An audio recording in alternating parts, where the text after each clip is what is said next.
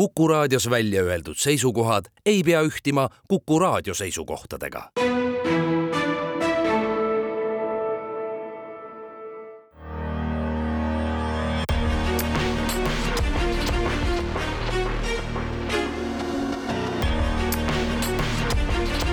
välismääraja tere, sel pühapäevasel keskhommikul mina olen Neeme Raud. Hiina on tänase saate läbiv teema. Hiina majanduskasv on aeglustunud, Hiina on demograafilises kriisis, sellised pealkirjad on maailma meedias viimasel ajal väga sageli silma jäävad. kuidas näeb kõik välja seestpoolt? Eesti suursaadik Pekingis Hannes Hanso on kohe stuudios sellest kõnelemas ja seejärel, mida arvavad eestimaalased Hiinast. Tartu Ülikooli Aasia Keskuse analüütiku Urmas Hõbevappeli juhtimisel tehti selle kohta esimene põhjalikum uuring. sellest saate teises pooles.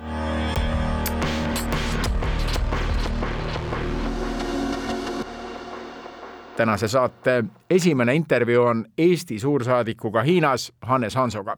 rahvusvahelist meediat vaadates tekib mulje, et Hiina majandusime on, on läbi kuidas paistab koha pealt, kas see mure, et Hiinas on tekkinud majandusega probleeme, on ka kohapealne peauudis? no hiinlased selliseid negatiivse suunitlusega või tooniga sõnumeid just äh, esikülje uudisteks äh, ei pane. sellist nagu vaba meediat meie mõistes Hiinas lihtsalt ei eksisteeri. seetõttu asjadest ühte või teistpidi hiinlased kuulevad, aga kas on esikülje uudis, no vastus on, et kindlasti ei ole pigem on esiuudis, et see, kui kõik, kui hästi kõik läheb ja kellega riigipea Xi Jinping on kohtunud ja mida ta veel on tarka öelnud. et see on see Hiina, ütleme sellise avaliku meediaruumi eh, reaalsus, igaüks võib ise vaadata China Daily't või Global Timesi internetist ja näha, et see täpselt nii on. aga mõistagi, Hiina mm, kõigepealt natuke konteksti ka, et, et eh, ükski riik ei saa igavesti kasvada paarteist protsenti majanduslikus mõttes aastat, iga, igal aastal millega me justkui harjusime ära tuhande üheksasaja kaheksakümnendatel ja üheksakümnendatel. et imelik oli, kui Hiina ei kasvanud kümme protsenti aastas, vaid ainult jutumärkides siis kaheksa. aga nagu iga majandus, kuhu mingile tasemele arenedes, ta lihtsalt ei saa nii kiiresti ja keegi ei eelda Šveitsilt, et kasvab kümme protsenti aastas, kui kasvab üks või kaks, on ka juba hästi, eks. Et see selline tempo mingil hetkel pidi aeglustuma, füüsikaseadused, ja aeglustuski, ütleme aastal kaks tuhat üheksa või kümme, mäletan, kui Euroopas, mujal maailmas, läänes oli tõsine finantskriis, ka Hiinat mõjutas see väga rängalt toona, kuna Hiina ju ekspordib. Hiinas tööhõive vähenes ja tehased lihtsalt, neil ei olnud kellelegi enam toota, sest keegi ei ostnud, meie siis. Et siis räägiti kuueprotsendisest majanduskasvust, et, et see on see, mida on Hiinal vaja säilitada, et säilitada siseriiklik nii-öelda, mida nimetatakse sotsiaalseks harmooniaks Hiina, Hiina siis tõlkes. Ka sellest on palju vett merre äh, voolanud ja täna, äh, tänavu, sellel aastal siis, kui toimus no aasta üks poliitilisi tippsündmuseid Hiinas või mitte aasta, see on nagu periooditi iga nelja aasta tagant, äh, rahvasaadikute kongress, siis võeti tänavuse aasta majanduskasvu eesmärgiks viis protsenti. ja tundus sel hetkel märtsis, et see on väga kergesti saavutatav. ausalt öelda, et isegi nagu lati alt läbi jooksmine Äh, kuna Covidi piirangud olid lõppenud, arvati, et äh, majandus täie hooga läheb käima, rahvusvaheline suhtlus äh, taastub, aga nii ei ole läinud ja esimene mingi kvartal või kaks isegi liikusid asjad päris hästi. aga praegu hetkel ka Hiina, ikkagi ka ametlikus meedias, seda on ka riigi siis tippjuhtkonna tasandil arutatud, et kuidas lahendada, et ei tea, kas tuleb see viis protsentigi täis. Olgugi, et noh, kui me vaatame praegu Eesti väljavaateid, ehk siis noh, viis protsenti oleks lihtsalt maailma ime, et Hiina mõistes tundub see igatahes väga, väga vähe, et noh, mille, et, et kas äh, klaas pooltühi või pooltäis, et kas see on mingi katastroof, noh, meile oleks see lihtsalt imeuudis, nende jaoks on vot katastroof. Et me peame selle, seda konteksti ka meeles pidama. et äh, Hiinal on uus äh, juhtkond, eks, uus peaminister, vana, vana, vana riigipea, kes lihtsalt jätkab arvatavasti nüüd nagu väga pikalt veel jätkab, et aga on uued ministrid, uus poliitbüroo, uus uus peaminister, et eks neil kõigil ole ju tarvis ennast kuidagi tõestada, aga see algus on olnud pigem raske, et Hiina-sisesed probleemid, väga tõsised majanduslikud, aga ka väliskeskkond ei ole seda majanduskasvu toetanud, et ühe lühike vastus selline. Maailm harjus kuidagi ära selle mõttega, et Hiina on majandusmootor ja siis korraga hakkas jah, Hiinast tulema teateid, et Hiina demograafiline olukord on väga kriitiline, et paljud linnad, mis buumi ajal ehitati, on tühjaks jäänud ja korraga Hiina muutus küsimärgiks, et mis seal siis edasi saab. see Hiina ime, millega maailm neljakümne aasta jooksul harjus, on muutumas millekski muuks. jah, e, e, kõigepealt sellest kinnisvarast päris palju ka ise kohapeal Hiinas elades ja mööda Hiinat ringi sõites. noh, meil on ka populaarne väljend, et põllud ehitati täis. aga, aga, aga, aga sinna põldude peale, mis täis ehitati, kolisid ka inimesed. Hiinas on täna ja seda võib mitmetest allikatest lugeda ja olen ka väga nagu sellist adekvaatsete, kompetentsete inimestega vestelda, seda ise kuulnud Hiinas. et on ehitatud umbes kaheksakümmend elu, eluaset kuhu ei ole tegelikult inimesi sisse panna, ei ole inimesi, keda sinna sisse panna. et noh, laias laastus võiks öelda, et nelisada miljonit inimest saaks magama panna, aga neid neljasadat miljonit ei ole, aga need asjad on valmis ehitatud, püsti pandud. rongiga mööda riiki ringi sõites, no päriselt ka, sõidad Pekingi ja Shanghai vahet, eks see on mingi, ma ei tea, tuhat viissada kilomeetrit, noh neli tundi rongiga, tore, vaatad aknast välja. Ja tõesti, lihtsalt kilomeetrite viisi on ehitatud tikukarpe püsti, aknaid kas on ees või ei ole, aga tuled, tuled kindlasti sees ei põle. Et äh, on metsikult üle hinnatud seda turunõudlust ja nagu tohutult suured äh, kinnisvaraettevõtted. Ja ma mõtlen tohutult suured, siis nende nagu käibed on nagu seal sadades miljardites dollarites.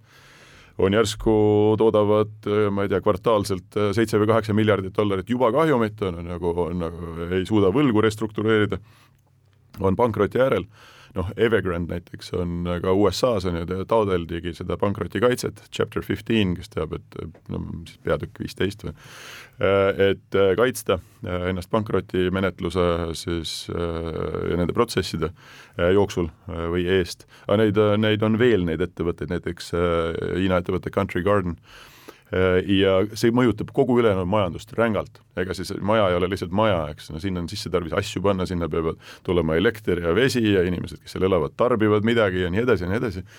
et see ja noh, tööhõive mõttes ja kogu, kogu see protsess, et see avaldab kindlasti väga karmi mõju. kuidas hakata nii suurt asja lahendama, ma ausalt öelda isegi ei kadesta neid Hiina juhte, kes peavad kuidagi välja mõtlema. sest et ega see Hiina legitiimsus Äh, valitsuse legitiimsus on no põhi, ikkagi põhinenud ju nende dekaadide jooksul mitte siis valimistel ja demokraatial, mida kumbagi ei ole lihtsalt Hiinas, äh, valimisi, ükski hiinlane pole kunagi valimas käinud kedagi. aga nende elu on läinud paremaks ja see on nagu valitsusele kindlasti andnud legitiimsust. et kui nüüd majandusraskused süvenevad, et millelt seda legitiimsust siis nagu edasi, millele seda ehitada? ja see on äh, suur küsimus. E, ja need mõjud võivad olla ka mitte ainult regionaalsed üle maailma, sest et tavaliselt on nagu järgmine legitiimsuse sammas alati on natsionalism ja välisvaenlane. noh, mõlemaid märke me juba näeme, vaenlasti ka hiinlased on endale leidnud äh, terve rea jah, kõiges muidugi lõppkokkuvõttes on süüdi siis äh, Nemes Erik, mida sina hästi tunned, Ameerika Ühendriigid. jah, äh, aga ja teine teema, mis äh, tõesti on Hiina, aga globaalset elu, kindlasti ka Hiina elu väga tugevalt mõjutamas, on seesama demograafia küsimus. et äh, kõik teavad seda äh, kuulsat ühe lapse poliitikat, mida tõesti jõuga, jõuga ja ausalt räigelt rikkudes kõiki isikuvabadusi ja õigusi, eks, kuidas sa ütled inimesele, mitut last tohib saada, see on nagu põhivabadus järsku. isegi ma ei tea, kui panna järjekorda, et kas sa tohid minna valima või oma meelt avaldada kuskil või siis, et nagu saada järglasi, et mis on see suurem vabadus. igatahes, igatahes sulle otsa ja mõtlen iga, igatahes... uudistele Eesti meedias sinu perekonna kohta no väga hea, et, et äh, igatahes aastakümneid äh, kehtis väga range ühe lapse poliitika. ühe lapse poliitika lõppes, ütleme, kümme, paarteist aastat tagasi ja, ja nüüd on ka kolm, kolmas laps lubatud. probleem on selles, et keegi Hiinas ei taha lapsi saada et vaatamata piirangute kadumisele, noh, on juba harjutud elama teisiti, prioriteedid on teised ja laste pidamine lihtsalt on kohutavalt, kohutavalt kallis, see on maailmas kalliduselt teine riik, kus lapsi kasvatada. Lõuna-Korea on äh, Lõuna-Korea järgi. esimest korda ajaloos äh, Hiina elanikkond alates kuuekümnendate, ma ei tea, sellest kultuurirevolutsiooni katastroofist, kahe, kuuekümne kolmandast aastast, Hiina elanikkond vähenes, no väike tilk ookeanis on kaheksasada tuhat inimest Hiina jaoks, eks. aga see hakkab nüüd igal aastal süvenema et ütleme, selline keskmine arvutus, mida ÜRO arvutab, eks neid trende arvesse võttes, et äh, aastaks kaks tuhat kaheksakümmend on Hiinas alla miljardi inimese, täna on üks koma neli. ja aastaks kaks tuhat ükssada võib juhtuda, et on kuskil kaheksasada miljonit inimest. ehk jälgides trende mujal riikides, näiteks Sahara-aluses Aafrikas, Nigeerias, kus on elanikkonna kasv kolm protsenti aastas, vabalt võib juhtuda nii, et Nigeerias on aastal kaks tuhat ükssada rohkem inimesi kui Hiinas. mida see tähendab, kes seda vananevat elanikkonda üleval peab? Ei ole noori inimesi, kes tulevad peale ja kes äh, hoolitsevad nende eest, kes vajavad abi, ühiskond vananeb väga järsult ja ei ole enam noori, kes töötaksid. ja sama probleem, mida me näeme Jaapanis, sama probleem, mida me näeme Lõuna-Koreas väga tõsised probleemid, aga Hiinale lisab veel äh, seda problemaatilisust juurde see, et tootlikkus Hiinas ei ole veel kaugeltki sellel tasemel, mis ta on Jaapanis või, äh, või ka Lõuna-Koreas. ühesõnaga, nad saavad kaks probleemi endale korraga. Ja see moodustab päris toksilise kombinatsiooni, et äh, kuidas edasi sellise riigi mõttes ja noorte tööpuudus et äh, Hiinas täitsa ametlikult nüüd äh, lõpetati tööpuuduse statistika avaldamine, sest see lihtsalt äh, näeb nii paha välja. E-, et noorte hulgas keskmiselt tööpuudus on kakskümmend üks koma midagi protsenti, kes on nagu koolid läbi käinud, aga ülikooli lõpetajate osas veel kõrgem.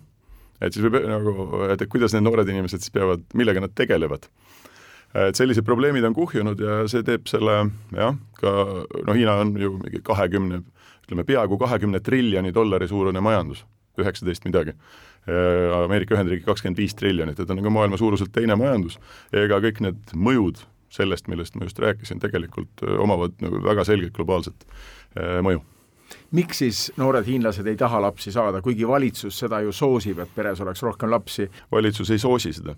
Hiinas sellised asjad nagu lapsetoetused vähemalt riiklikul tasandil puuduvad kuigi president võivad, on ju rääkinud, et on, on rääkinud, äh, aga soosimine on kindlasti nagu no täiesti asja siis eksitav, eksitav lähenemine. et vastupidi, nagu ettevõtted ei taha äh, näha lapsepuhkusele minevaid emasid, rääkimata isadest. isegi sellised äh, noh, meie mõistes ikkagi nagu väga kentsakad olukorrad, et näiteks isegi ei taheta registreerida ilma abielus olevate äh,, mitte abielus olevate naiste lapsi.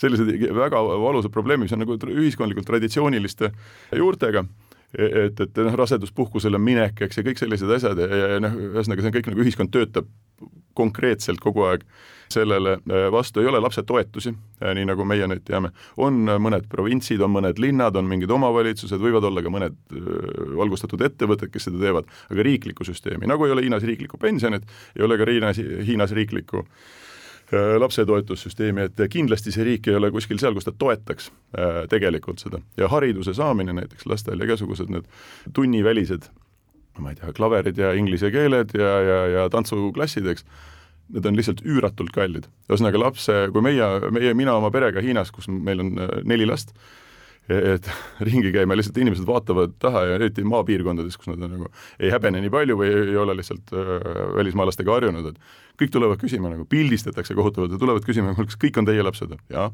kas mõned on kaksikud, noh, nad ei saa aru, et kuidas sai selline asi juhtuda, et kuskil on peres neli last. et see on ikka suur haruldus Hiinas ja raha küsimus ühesõnaga, inimeste see elamistingimused on sellised, karjäär on raske, tööd on raske hoida, saada ja siis tehakse selliseid valikuid, et äh, väga paljud ütlevad, et ei taha üldse elus lapsi saada kunagi. rääkimata isegi kas või ühest. suursaadik Hannes Hansoga jätkame hetke pärast.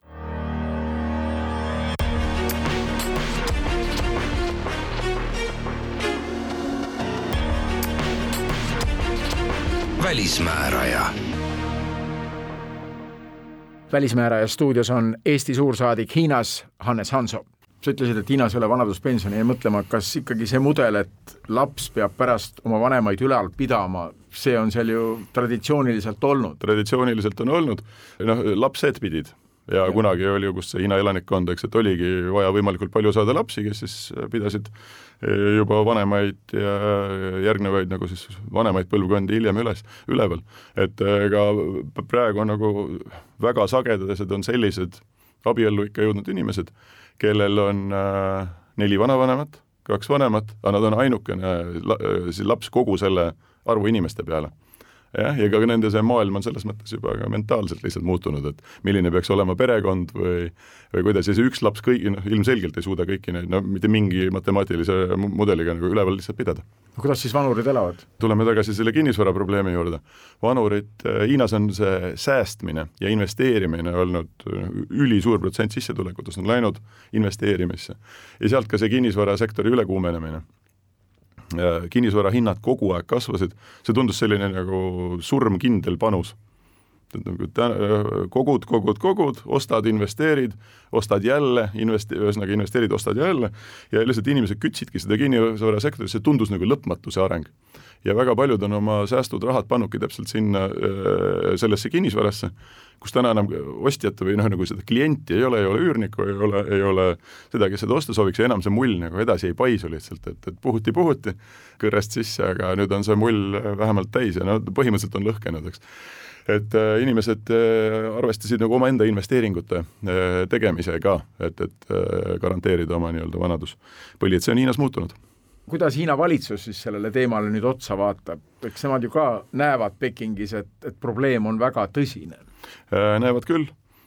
Ja ka nimetasin juba seda Rahvasaadikute Kongressi, eraldi töötati välja ka nii-öelda mingi noortepoliitika, äh, et kuidas siis kaasata noori rohkem tööhõivesse ja nii edasi ja nii edasi, proovitakse teha siis erineva või noh, erinevate programmidega lahendada seda küsimust, aga ausalt ei ole näinud, et, et see kõik oleks kuidagi edukalt käima läinud. Et kui ikkagi üle kolmekümne protsendi ülikooli lõpetajatest, noh, ausalt Hiina sotsiaalmeedias keerlevad kogu aeg need lood, et kuidas inimesed katsetavad, noh, keegi postitab jälle, mingi üheksakümne viiendat korda kirjutan avaldust ja veel ei ole ühtegi korda keegi kutsunud mind isegi intervjuule. noh, sellised asjad levivad. terve Peking on täis, kõik Hiina suurlinnad on ju see kullerimajandus, eks, et äh, hommikul tahad kohvi juua, siis ka kuller toob, eks, see on täiesti tavaline ja lihtsalt siis sõeluvadki, kes on roosas äh, jopes, kes on kollases, kes on sinises, eks, ja mööda linna ringi need kullerid, kes on arvatavasti kõik äh, ülikooli lõpetanud haritud inimesed, kellel lihtsalt mitte midagi muud teha ei ole, kui äh, viia inimestele koju nende hommikusi, hommikusööki ja siis õhtul mingit kaupu, eks. väga raske, et ei ole näinud, et, et see oleks lahenema hakanud, proovitakse mingite krediidiskeemidega, on proovitud igasuguste praktikaskeemidega aga majandus enam nii mühinal ei arene, sest need pidurid on peal ja kuhugi neid inimesi lihtsalt hetkel veel panna ei ole olnud, et, et see probleem süveneb ja arust on hiljuti tuli ametlikult otsus, et statistikat enam ei avaldata, lihtsalt see äh, näeb nii halb välja. Ja samas Hiina juhtkond käib mööda maailma uhkelt, oleme maailma majanduselt suuruselt teine riik, oleme vägev riik ja need kõik probleemid, et nad peavad ju väga tõsiselt mõtlema, et see nii ei saa jätkuda, et Hiina positsioon hakkab lihtsalt nõrgenema maailmas jaa, olen ka ise seda, noh, see oligi üldine teadmine, ega Eestis palju rääkinud, et see on ainult aja küsimus, millal Hiinast, ei ole, et kas juhtub, aga et lihtsalt küsimus, millal juhtub, et Hiinast saab maailma suurim majandus. Praegu hetkel äh, trendid näitavad, et see ei pruugi nii minna, siiski, nad on juba üsnagi lähedal äh, Ameerika Ühendriikidega. Aga noh, eks vaatame muidugi, kuidas mujal maailmas asjad lähevad, ega kuskil ei ole majanduskasv ja siis majandusareng äh, garanteeritud. aga nüüd enam ei saa seda mingi kindlusega küll öelda, et see kindlasti juhtub. India on, on rahvaarvu poolest juba India on rahvaarvu poolest ja antud hetkel tundub nagu üsnagi dünaamilises liikumises, nina ülespoole, ütleme. äh, Hiina puhul, mis on oluline, et, et see investeerimiskliima ka, et, et kust see Hiina majandus käivitus et ikkagi Hiinasse tuli kaheksakümnendatel, üheksakümnendatel ikka tohutu arv äh, välisettevõtteid, kes hakkasid Hiinast tootma. no vot selle pealt äh, läks see, algul olid erimajandustsoonid, hiljem laienes see igale poole äh,, et äh, ergutada nii-öelda siis seda majandust, tuua investeeringuid ja nii edasi. aga vahepeal on väga palju muutunud, väga palju on muutunud poliitikas. Ja Hiina ei ole enam see koht, kuhu oodatakse kohutavalt mingit välisinvestorit, vastupidi elu on tehtud üsna keeruliseks ja üha raskemaks.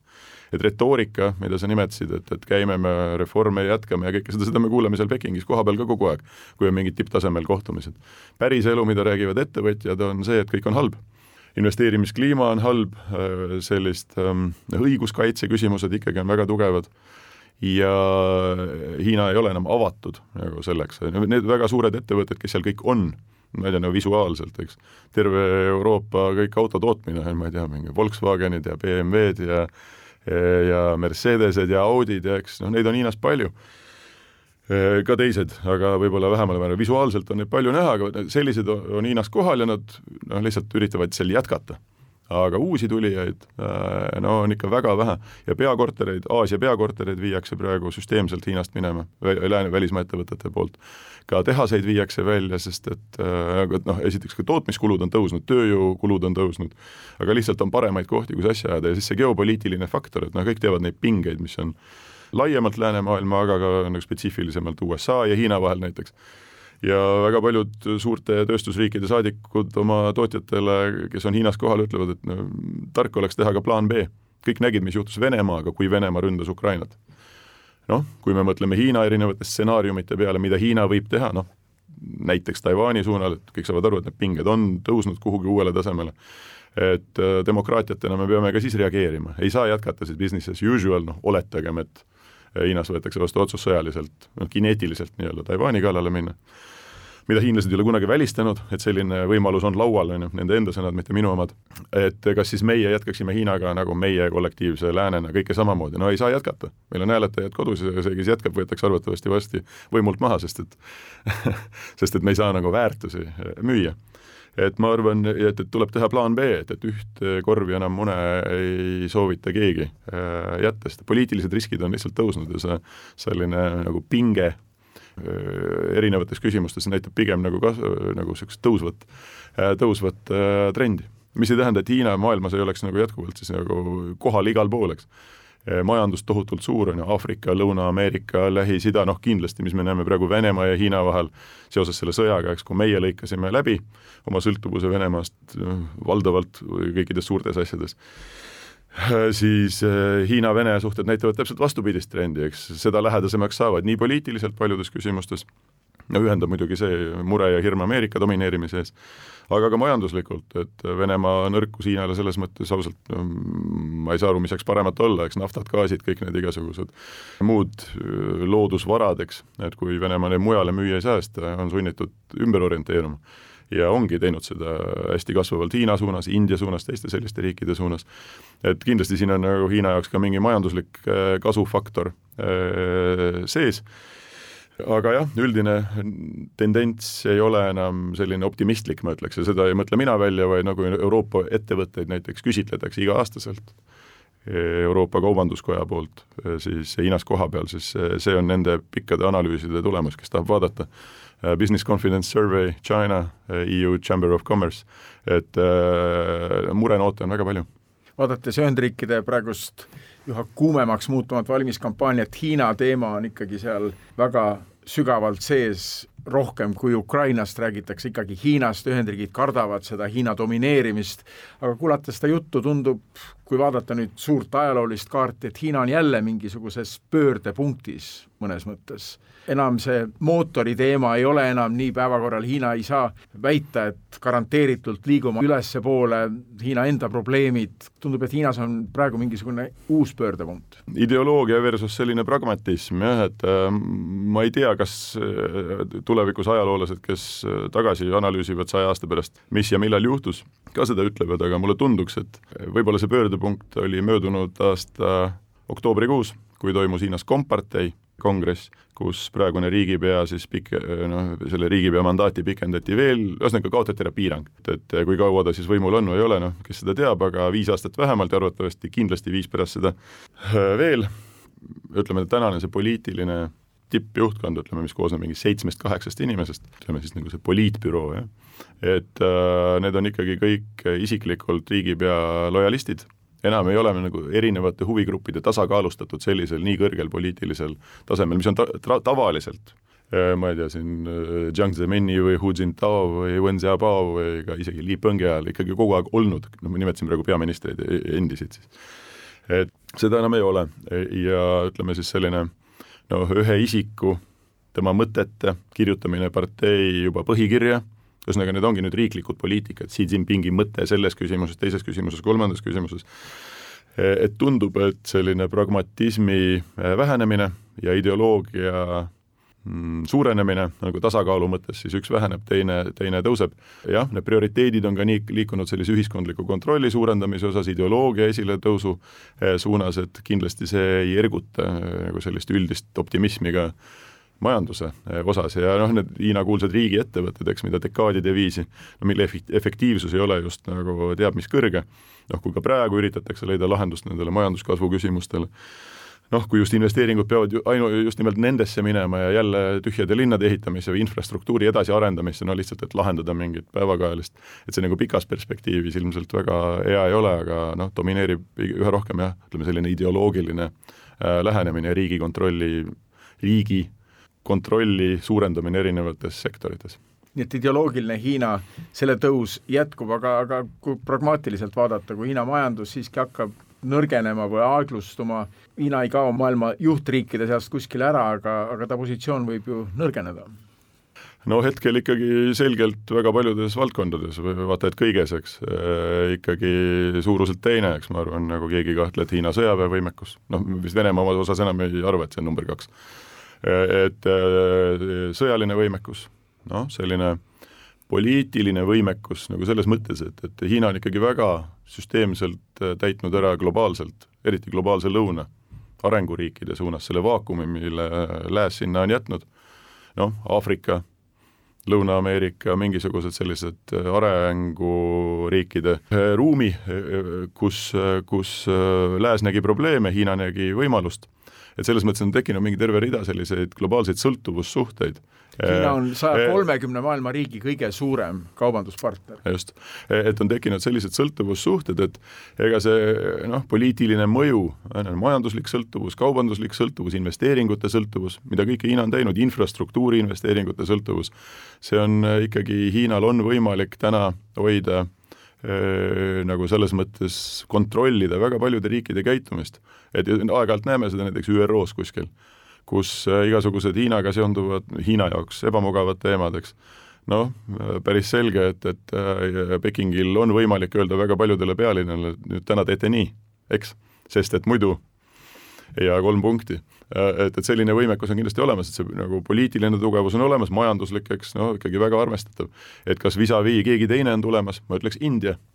India suhted ülejäänud maailmaga, no rahvaarvult läks käesoleval aastal vähemalt ametlikult India Hiinast mööda majanduse mõttes eks pigem selline väga keeruline, ülikeeruline, kohutavalt bürokraatlik riik, et nad on ikkagi suutnud tekitada investeerimissõbraliku keskkonna, nad oskavad inglise keelt, just see valdkond, IT-valdkond ja kõik see, mis on nagu niisugune tulevikumajanduse teema, areneb väga kiiresti ja nagu tõesti igasugused suured just nimelt nende kaasaegsete sektorite ettevõtted täna kas lähevad Indiasse, plaanivad sinna minna või on juba läinud ka sinna. et selles mõttes jaa, kui vaadata seda noh, kes võiks tulevikus potentsiaalselt Hiinaga konkureerida, äh, siis ma ütleks, äh, see on India, olgugi et neil on veel väga pikk tee äh, minna aga Hiinat me ka maha kanda või alahindama hakata, Hiina on jätkuvalt väga tugev, vaatamata kõigile nendele probleemidele. ma ütleksin ka nii, et noh, globaalpoliitika tasandil näiteks, et no meie kõige akuutsem probleem on ja jääb, kuni see sõda kestab, on ju Ukraina sõda või Venemaa agressioonisõda Ukrainas, no näiteks sellised küsimused, et, et tegelikult see mida Hiina teeb või meie puhul siis meie vaatest kahjuks ei tee. et see pikendab ju noh, konkreetselt ka siin meie olukorra regioonis nagu sellist äh, pinget ja, ja seda konflikti äh, olukorda ja no investeerimiskliima ja kõik, mis sellega kaasa tuleb, ju tegelikult Hiina mõjutab meid igapäevaselt väga tugevalt, eks. kui nemad võtaksid väärtuspõhise, tugeva, ka näiteks Venemaaga sidemeid katkestava seisukoha või isegi kui nad ähvardaksid seda teha, ma arvan, Venemaa käitumine muutuks väga drastiliselt, aga nad ei ole seda teinud. ja ei ole ka kuskilt näha, et nad seda teeksid. et selles mõttes Hiina võib tunduda kauge, võib tunduda meie jaoks kuidagi vähe relevantne, eks, aga tegelikult ma arvan, meie igapäevaelu mõjutavad need otsused Pekingis ja neid otsuseid ausalt, nagu väga paljud ütlevad, teeb ainult üks inimene seal et äh, neid otsuseid, äh, need otsused mõjutavad meid äh, oma igapäevases elus tegelikult rohkem, kui me oskame, ma arvan, üldse arvata. ja kui me mõtleme veel globaalselt, mõtleme oma suurima ja tugevama liitlase Ameerika Ühendriikide peale ja seal langetatavate otsuste peale, ka seal on Hiina faktor pidevalt ju laual. Eks ta kulmineerub tavaliselt Ameerikas, Ameerika Ühendriikides presidendivalimistega, see noh, see ametlik termin on China bashing, eks, et selline Hiina peksmine, et kes on kõvem Hiina peksja. no ma ütleks ega kui Eesti poliitikat vaadata, siis noh, lihtsalt enne valimisi peksime kedagi teist, eks, asja eest muidugi ka. Aga see, et kes on kõvem nagu hiinlastega asja, asjade paikapanija, et, et sellega kindlasti Ameerika Ühendriikides võtab hääli, olgugi et Ameerika Ühendriikide ja Hiina näiteks kahepoolne kaubavahetus, vaatamata kõigele, mis toimub, möödunud aastal nagu kasvas tublisti, kaasa arvatud Ühendriikide eksport Hiinasse. lihtsalt on mingid sektorid, mikrokiibid, ma ei tea, kvanttehnoloogia, tehisintellekt, bio, biotehnoloogiad, võib-olla veel mõni, mille osas siis noh, on nagu Ameerika Ühendriigid võtnud väga selge joone, et nad kõiki oma, kõike oma tarkust hiinlastega jagada ei taha, eriti kiipide ja kõige selle osas. et aga, aga muus osas, muus osas majandussuhted vaatamata poliitilistele pingetele arenevad. Euro-, ka Euroopa ja Hiina vahel näiteks et äh, maailm on täis huvitavaid paradokse, on tekkinud selline suur vastastikune äh, sõltuvus, mis võib olla mingil hetkel hea, aga võib mingil hetkel muudu-, muutuda ka väga ohtlikuks, seda juba nimetasin. Taiwan'i teema puhul näiteks. Eesti suursaadik Hiinas, Hannes Hanso, aitäh, et tulid Välismääraja stuudiosse! tänud!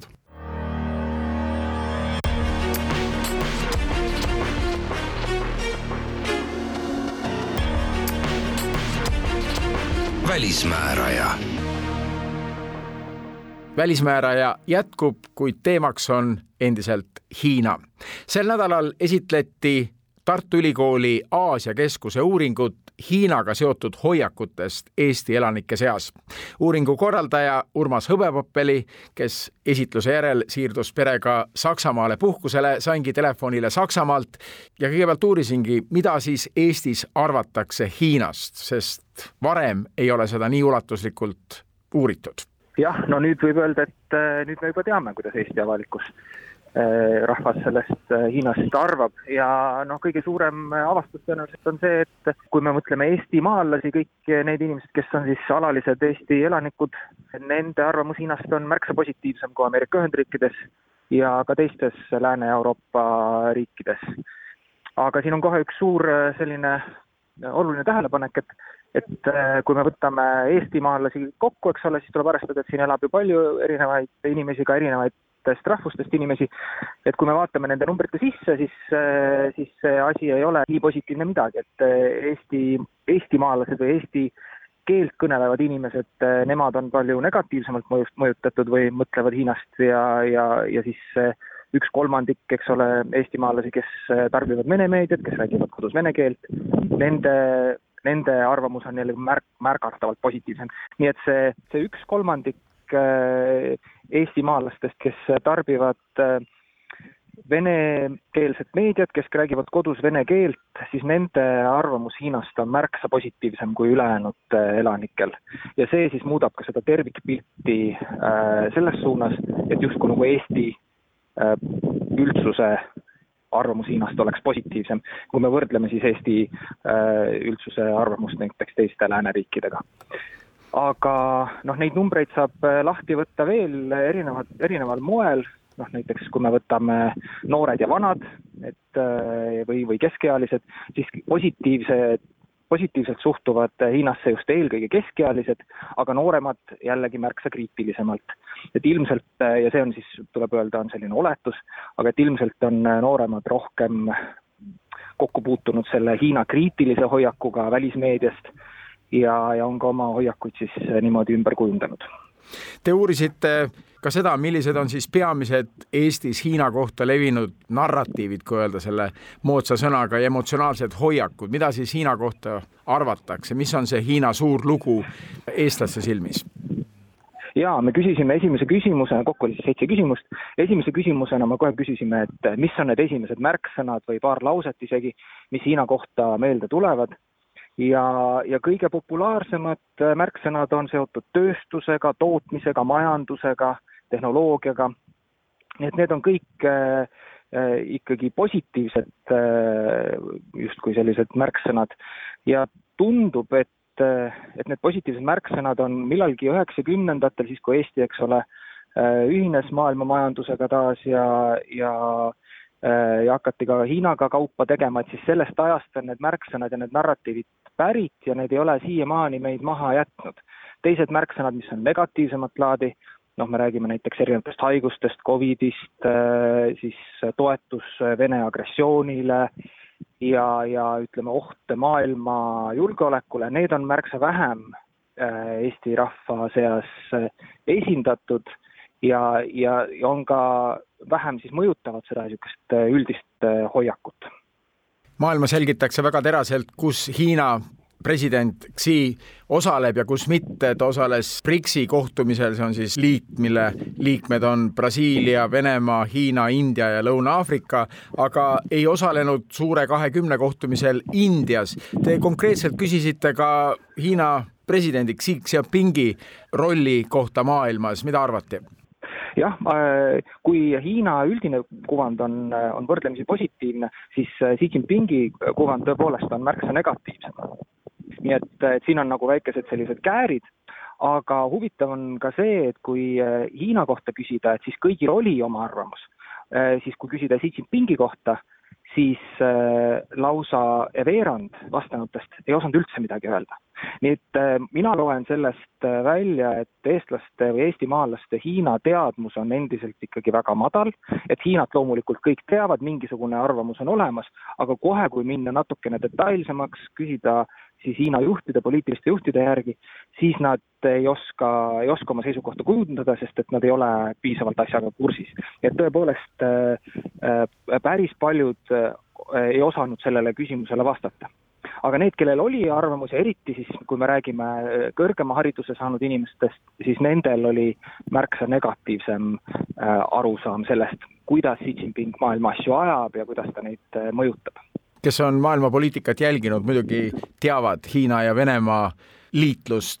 sellest on räägitud ju palju, et Hiina on väga pragmaatiline, Hiina ei soovi rääkida sellest, et nad moodustavad ühe ploki ja on väga lähedased partnerid, aga siiski see koostöö Ukraina sõja ajal on olnud uudistes palju. kui palju ja kuidas oskavad eestlased analüüsida Hiina ja Venemaa suhteid?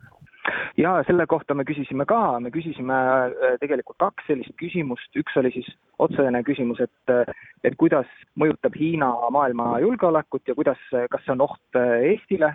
Ja, ja teine küsimus oli siis, et, et kas Venemaa ja Hiina koostöö on oht Eesti julgeolekule.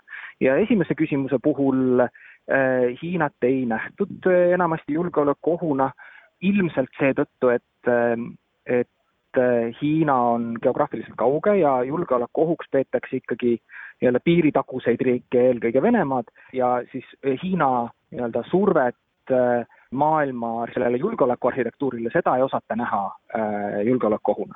aga kui küsida jah, Venemaa ja Hiina koostöö kohta, siis loomulikult kohe seostatakse seda julgeolekuohuga ja selles küsimuses oli jah, siis selline Hiina kriitilisus suurem. ka Eestis on meil olnud juhtumeid, kui Hiina luure on siin värvanud inimesi ja nad on sattunud kohtu ette ja neile mõistetud karistusi, kas äh, seda tunnetatakse, et ka Eesti võib olla Hiina huviorbiidis, et ka siin võib toimuda luuretegevus ja no muidugi mõjutustegevus? no me küsisime väga nii-öelda laia võrguga, eks ole, et need konkreetselt seda oleks vaja siis inimeste käest küsida natuke teise, teistmoodi oleks vaja küsida just seda küsimust, nagu, nagu sina seda sõnastasid, aga me küsisime siis, et milliseid märksõnu äh, osatakse nimetada Hiinaga seo-, seoses ja julgeolekuoht ei olnud see, millega inimesed tavaliselt Hiinat äh, seostavad, nii et nii-öelda kaudne vastus äh, sinu küsimusele on, et, et ei, et selle, selle peale väga ei, ei mõelda, aga tegelikult loomulikult peaks mõtlema, et see, see, et Eesti on väike, Hiina, Hiinast kaugel, ei tähenda, et Hiina meie vastu huvi ei tunneks.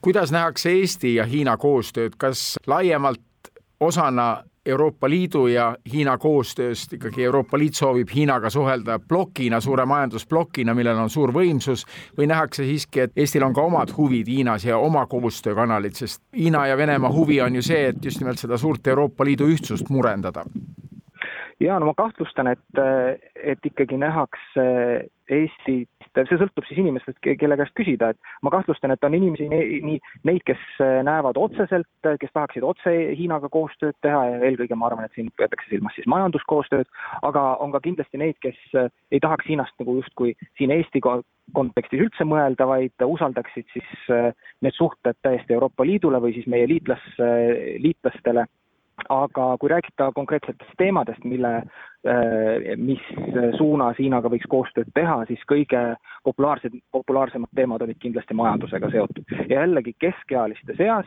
kui nooremate seast, äh, käest küsida, siis nende seas olid populaarsed teemad hoopis näiteks teadus ja kliima kuigi ka majandus oli kindlasti nagu tugevalt äh, esindatud. jällegi sellised generatsioonidevahelised erinevused tulid, äh, tulid kenasti välja. kõige vanemate, eakamate inimeste seas, kuuskümmend viis pluss, nende seas majandus ei olnud nii populaarne, kui pigem kultuur ja, ja muud sellised pehmemad teemad. aga USA suhted Hiinaga, see, et USA-s tõesti nähakse Hiinat peamise mitte nüüd vaenlasena, aga ka rivaalina maailmas, et isegi Ukraina sõja ajal aruteludes panevad paljud ikkagi Hiina tähtsamaks teemaks kui Ukraina sõjateema Ameerika Ühendriikides. kui palju eestlased, arvestades seda, et USA on meie suur ja tugev liitlane, näevad ja mõistavad USA Hiina poliitikat?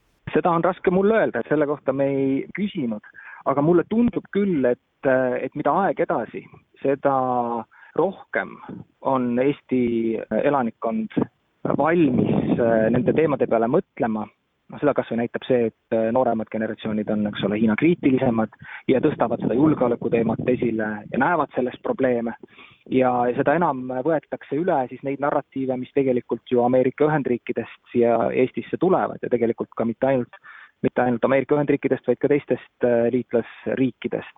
nii et noored on just need, kes selles äh, ja pean rõhutama, et see on siis nagu oletus hetkel, et noored on, on pigem need, kes selles inglisekeelses maailmas ennast koduselt tunnevad ja neid narratiive ka kiiremini omaks võtavad. vanematel on need harjumused ju ja hoiakud juba välja kujunenud ja neid on, on raske nihutada. et, et just need keskealised, kõige nagu vähem kriitilised Hiina suhtes, nende arvamused tundub olema väga tugevalt paigas ja väga tugevalt seotud Hiina majanduse eduga kas äh, mainisite ka sõna Taiwan oma küsitluses, sest et ikkagi must stsenaarium maailma jaoks on, et kui ka Taiwanis peaks olukord minema pingsaks, kui Hiina alustab seal sõjalist operatsiooni, võib Ameerika tähelepanu nihkuda Taiwanile enam kui Ukrainale, sest Taiwan'i julgeolekugarantiisid on USA korduvalt rõhutanud ja andnud, et siis läheb see olukord maailmas veel pingelisemaks. kus uurisite ka Taiwan'i teemat? Paraku mitte, seekord me selle, seda teemat äh, tõstatada ei saanud.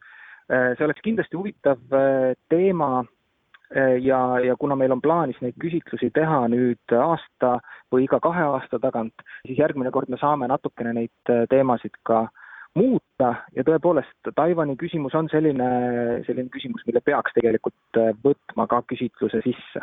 Mõeldes nüüd sellele, et Eesti noorte seas on Hiina maine kehvem kui keskealiste ja vanemate inimeste seas ja geopoliitiline olukord, majanduspoliitiline olukord Hiina ümber on muutunud väga pingsaks, siis kuidas me näeme neid suhteid ja Hiinasse suhtumist tulevikus, ilmselt negatiivsus suureneb siis või? No arvata võib, ega selle küsitluse põhjal nüüd äh, midagi konkreetset või midagi väga kindlat äh, tuleviku suhtes öelda ei saa, aga kõik märgid, mis me, mis me küsitlusest kogusime, tõepoolest sellele osutavad, et äh, et kuna noorte seas on seda Hiina kriitilisust rohkem, eks ole, noored kasvavad peale ja vanemad inimesed, nende narratiivid, eh, kuigi nad ilmselt väga palju nüüd muutuma ei saa, siis ikkagi see üleüldine Hiina kriitiline hoiak meie meedias ja, ja, ja liitlaste seas on nii prominentne, et tõenäoliselt negatiivsemaks see Hiina, Hiinasse suhtumine muutub. kui, kui palju, kui kiiresti, seda näitab aeg ja seda tegelikult loodetavasti näitavad ka meie need edasised küsitlused, et ma nagu äh, jah, loodan väga-väga, et me teeme neid küsitlusi iga kahe aasta tagant, kui mitte tihemini. miks neid küsitlusi vaja teha on, küsin lõpetuseks, kelle jaoks need tulemused on olulised, meie diplomaatide jaoks, meie poliitikakujundajate jaoks, kelle jaoks see küsitlus eelkõige mõeldud oli või meie ettevõtete jaoks, kes ikkagi ja. ka Hiina turule soovivad ju minna? Jaa, eks seda aruannet tasub lugeda tõesti erinevate eluvaldkondade inimestel. minu jaoks kui teadlase jaoks on see lihtsalt põnev teema, et ma tahan teada, kuidas need trendid kujunevad, kuidas eestlased, eestimaalased Hiinast äh, mõtlevad et see on juba minu jaoks teadusväärtus iseenesest, aga noh, kui me mõtleme näiteks julgeoleku valdkonnas tegel-, tegutsevatele inimestele, kes peavad igapäevaselt pead murdma sellega, kuidas Hiina pehmele jõule vastu seista, Hiina propagandaga tegeleda, eks ole, mis on need märksõnad, millest eestlased kõige kergemini kinni, kinni võtavad, nüüd me siis teame, et meil on, võib-olla varem oli meil oletusi, aga nüüd me teame kohe kindlasti, et need märksõnad, mis on selles aruandes siis kirjas, eks ole, eelkõige majandusteadus, tehnoloogia, et need on need, mis eestlasi kõnetavad ja kuidas siis nüüd sellele vastu seista ja kuidas Hiina mõjutustööga tegeleda, aga noh, loomulikult on neid erinevaid kasutusviise sellele raportile, sellele uuringule veel ja erinevates valdkondades, ka diplomaadid, nagu sa nimetasid, ka majandusinimesed, ka ärimehed, eks ole, võiksid tegelikult seda, seda aruannet lugeda küll. veel kord summeerides, mis siis sinu jaoks kõige olulisem sõnum sellest küsitlusest oli? see on juba oluline, et esmakordselt uuriti üldse Eestis suhtumist Hiinasse jah, kõige, vast kõige olulisem äh, minu jaoks oli see, et, et me ei saa võtta Eesti äh, elanikkonda tervikuna, et me peame vaatama nende numbrite taha ja, ja vaatama erinevate eagruppide hoiakuid, sest need on väga erinevad. samamoodi peame vaatama erinevate rahvus- ja keelegruppide taha ja, ja sealgi on väga erinevad, et, et see on kõige väärtuslikum äh, teave. Urmas Hõbepappel, Tartu Ülikooli Aasia Keskuse analüütik, aitäh! Ja Välismääraja ongi tänaseks kuulatud, mina olen Neeme Raud, ilusat septembrikuist pühapäeva!